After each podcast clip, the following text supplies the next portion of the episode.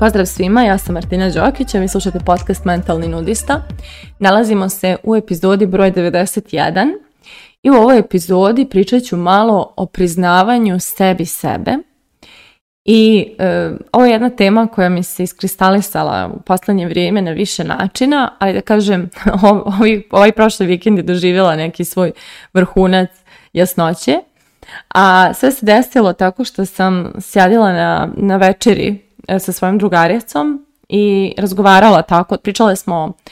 o depresiji, o tome šta, zašto ona dolazi, čemu služi, šta radi i pričali smo o tom nekom, ja sam pričala iz svog iskustva koliko sam e, pokušavala da sebe uvjerim da je sve o čemu sanjam nemoguće i da se nekako pomirim sa pod realnošću i da uklopim se nekako u nju, a pokušam mrvicu da idem u smjeru svega o čemu sanjam, pa čisto eto bar malo da osjetim, bar malo da probam taj san kad već ne može čitav da se živi. I onda sam baš pričala o tome koliko je meni bilo važno da nakon svih tih a, uspona i padova, i emotivnih, i mentalnih, i životnih, napokon priznam sebi sebe i stanem iza svoje istine, iza toga šta ja zaista sanjam, šta ja zaista želim i onako da cijelim srcem se pustim u to. I tako sam ja to sve pričala i spominjali smo malo nešto i Božu Vreću, ko ne zna za njega, neka ga izgugla, to je poznati pjavač iz Bosne i Hercegovine koji je poznat u cijelom svijetu manje više i jako je neobičan zato što je neka vrsta, a, mislim androgena je osoba, čovjek je sa bradom koji kreira haljine koje nosi, nastupa u štiklama, znači jako jako neobična umjetnička duša i poznat je po sevdalinkama, onako diva je jedna velika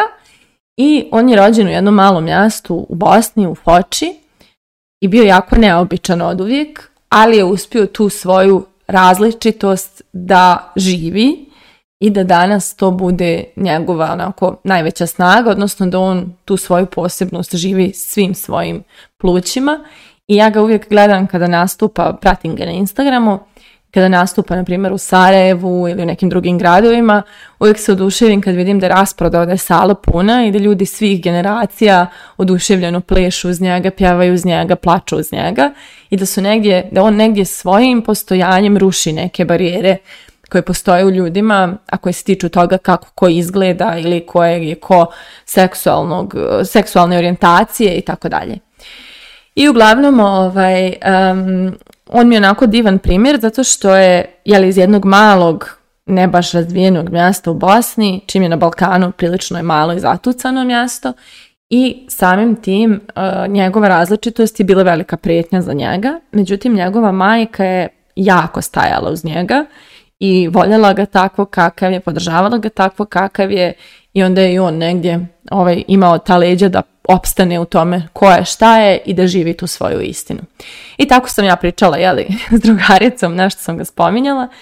To jest nismo ga spominjali mi, nego sam ga ja spominjala u nekim drugim kontekstima kad sam pričala o tom priznavanju sebe, ali tu noć pričam ja, tu večer pričam ja nešto s drugaricom na tu temu priznavanja sebe. I tu noć sanjam ja Božu vreću, kako sam u Njemačkoj u nekom hotelu i on je u mojoj sobi sprema se za nastup i sjedi sad tu čeka da ga prozovu.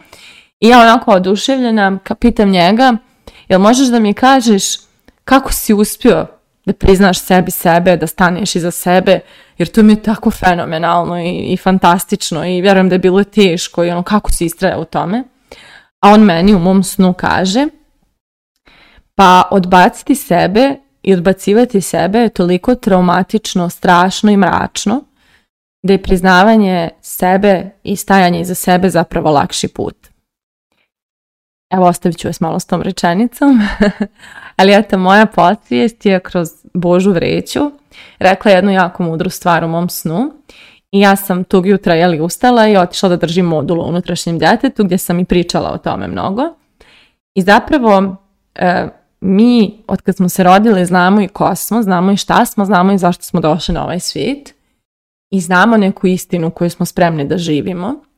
Međutim, okruženje, roditelji, sistem i svi ostali oblikovali su nas da je neka druga istina zapravo ispravna, a da su te naše verzije svijeta, te naše unutrašnje revolucije koje želimo da pokrenemo, ti neki darovi koje želimo da živimo, da je to sve nekako naivno, glupavo, nedovoljno, neisplativo, kakvo god. I naravno znam da ima primjera gdje su ljudi stali iza svojih darova, ali evo pričam za sve one koji nisu ili za sve one koji su na pola puta do toga, mislim da je najvažnija stvar u svom životu i najvažniji zadatak koji imamo je da stanemo iza, toga zašto smo ovdje i šta mi to sanjamo. I ja sam to negdje uspjevala mic po mic, ali nisam, bila, nisam imala kapaciteta da stanem iza svih svojih snova, zato što e, sam bila jako ranjena unutrašnji dijete i pričala sam vam o tome mnogo. I onda kada ste ranjeni, uglavnom vas voze te neke nezadovoljene potrebe i onda nemate, dok preživljavate, nemate kapacitet da kreirate, da razvijate. Imate, ali nije to, nema u vama tog kapaciteta, tolikog, da se tako daleko pružite. I onda sam liječila to unutrašnje dijete i liječila i liječila i liječila i kako sam ga iscijeljivala, tako je u meni jačala odrasla osoba, sve više – i sve više u meni jačao taj glas koji vjeruje u mene, koji me voli, koji me podržava, koji ima volju, ima snagu, ima, ima kapacitet za sve i svašta, koji me štiti. Znači prosto u meni se razvijala ta verzija mene, ta odrasla, koja mi čuva leđa i koja zna da stane uz mene. I što se više ona razvijala, to je više ono i srećno dijete u meni dobijalo pravo da sanja sve veće snove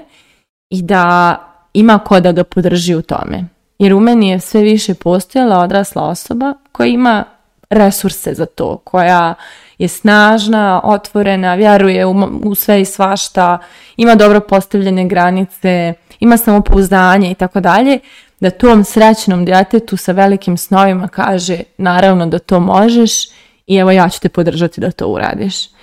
I tako sam ja mic po mic iscijeljujući prvo sve rane koje sam imala, čišće, čišćeći, čisteći, čisteći sve bjesove, sve tuge, sve ljutnje i sve i svašta. Naravno ne sve, sigurno meni ima još puno, puno tema za, za, za raščistiti ili proživjeti ili iscijeliti. Ali te neke krucijalne stvari dok sam iscijeljivala, ja sam nekako oslobađala sve više prostora za velike snove jer je u meni sve više potrošača moje životne energije nestajalo. Odnosno gasile su se traume i, i obrazci i što što što me trošilo i što je, što je meni kreiralo verziju svijeta koji je težak, komplikovan, zahtjevan, ovakav i onakav i suprotan onome što ja želim. E sada negdje u meni postoji kapacitet da ja lično stvorim čitav jedan novi svijet u koji vjerujem od kad sam se rodila i koji, koji je, mislim, možda zvučim sad abstraktno, ali suština je, ja sam uvijek sanjala da ću da uradim nešto veliko. I e, da, da neka, i uvijek sam osjećala i snažnu potrebu da na neki način ovaj svijet ostavim boljim. I uvijek sam pomalo to radila. Kad kažem pomalo, radila sam to kao student u svom gradu, kroz podršku studentima, kroz studentsku organizaciju u čijem sam osnivanju učestvovala, pa sada kao NLP trener već godinama podržavam ljude da transformišu svoje živote, da povjeruju svoje ciljeve, da ih ostvare, da istijele neke svoje teške teme, ali sve to i dalje kao po meni imala sam lokalno, imala sam regionalno, imala sam uh, i uh, kako se kaže, ajde kažem i u Austriju, to je neki način internacionalno E sada je vrijeme za neki veći nivo. I sada u meni postoji toliko snažna odrasla osoba da ona može da stane iza toga koja ja sanjam da postanem i koliko god da je to veliko ili nemoguće na neki način, ova odrasla osoba u meni sada vjeruje da sve to može i stoji uz mene. I tako je nastao jeli, novi biznis model moje kompanije i tako je nastao i plan da naredne godine prelazim u drugu državu, ovaj put u Dubaji i tamo e, u narednih pet godina ostvarujem to sve što je zamišljeno. Tako da u suštini i sve to meni sad blisko i upipljivo. Znači sve te neke stvari, imala sam ja i ranije te snove, ne o Dubaju, ali o toj nekoj priči koja je tako globalnija i, obuhvatnija, ali nisam, bilo mi je neopipljivo, bilo mi je daleko. I što sam više isciljivala sebe, to su više te moje ideje postajale jasnije, jednostavnije, dohvatljivije, jer ja sam postajala sve resursnija osoba da stanem iza toga ko sam i da pođem tim putem. E sad, kao što sam rekla, ta ranjena djeca u nama često čine da imamo potrebu da se uklapamo, da podilazimo, da više brinemo o tuđim mišljenjima nego o, tome kako se mi osjećamo i, da nekako više pazimo da li ćemo se svidjeti drugima nego sebi. Ali kada priznamo sebi sebe, kada kažemo, e, ajde prestani više da se lažeš da je ovo tvoj život, da je tebi ovo dovoljno ili da, da je ova verzija života ok, a znaš da ti nije ok, znaš, znaš da sanjaš o većim nekim snovima i znaš da u tebi postoji više potencijala od ovih kojih živiš, u tom trenutku sve se uroti da se ta prava verzija nas desi, to vam garantujem. Znači kao da univerzum sjedi i čeka, samo da mi damo znak i kažemo ok, spremni smo, ja sam ovo i ja idem tim putem. I vidim mnogo ljudi koji se mire, mnogo ljudi koji odustaju da, da žive svoje potencijale, koji mnogo sanjare, a ništa ne preduzimaju, a sve što sanjarimo je već naše i s razlogom je u našoj glavi i s razlogom je došlo kod nas, jer možemo mi to samo ako se pokrenemo i izgradimo u sebi sistem koji će da stane iza toga kosmo. I opet vratit ću se malo na ovo podilaženje društvu i strahu da se istaknemo jer smo drugačiji, jer pričamo neke priče koje nisu opšte prihvaćene ili zvučimo budalasto ili imamo, imamo ideje koje su drugima nelogične. Uh, kaže, uh, zašto da dozvolimo da nam drugi ljudi oduzmu sva iskustva i snove koje možemo da živimo? Zašto da dozvolimo mišljenja ljudi koje čak ni ne znamo ili nam nisu životno bitni, oduzmu nam mogućnost da saznamo ko sve možemo da budemo. Tako da priznati sebi sebe znači zaista iskreno sebi reći ovo što živim nije meni dovoljno, znam da želim više i vrijeme je da povjerujem da ja to i mogu. I vrijeme je da se više ne bavim time kako će to izgledati drugima, nego da mi bude samo važno kako sam ja i šta je za mene prava verzija života. Ja sam uspjela, stigla sam do te tačke u životu i mislim da nikad nisam zahvalnija bila za sve što živim i sve što ja sam nego sada, jer samo mi je trebalo da dođem do ove tačke da kažem sebi moguće je. Mislim, uvijek je to negdje u meni postojalo pomalo to moguće, moguće, moguće, a sad je stvarno sve moguće u mojoj glavi i to, eto, to mi je trebalo, taj resurs, za taj resurs sam živjela da stignem do tog trenutka, da sve što mala Martina, ona vesela, razigrana, maštovita u meni zamisli, ova odrasla kaže, može, napravit ćemo tako.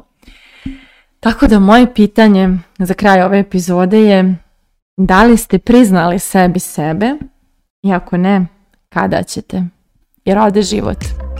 Mislite o tome, a mi se družimo u narednoj epizodi.